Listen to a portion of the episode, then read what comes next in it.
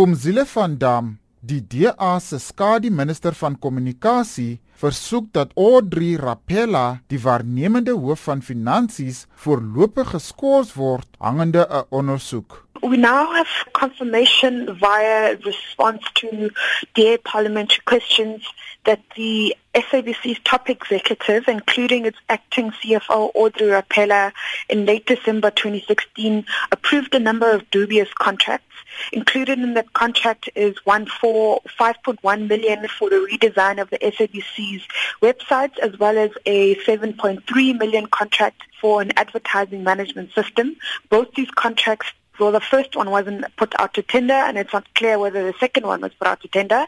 And because of this, we believe that the CFO must be suspended pending a disciplinary inquiry and an investigation of the awarding of these tenders. Oor hoe die DA die saak verder gaan voer, sê Van Damme.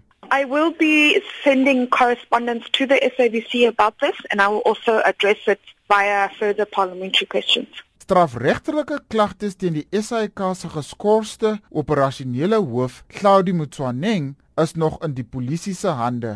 Volgens Dominique Msibi van die burgerlike drukgroep Alta, het hulle nog geen terugvoer oor die vordering van die saak gekry nie. We laid criminal charges against Saudi and other members of the SABC in the executive last board members in December of last year, 2016. And we have never, from the day we laid the charges, received any feedback from the authorities at all.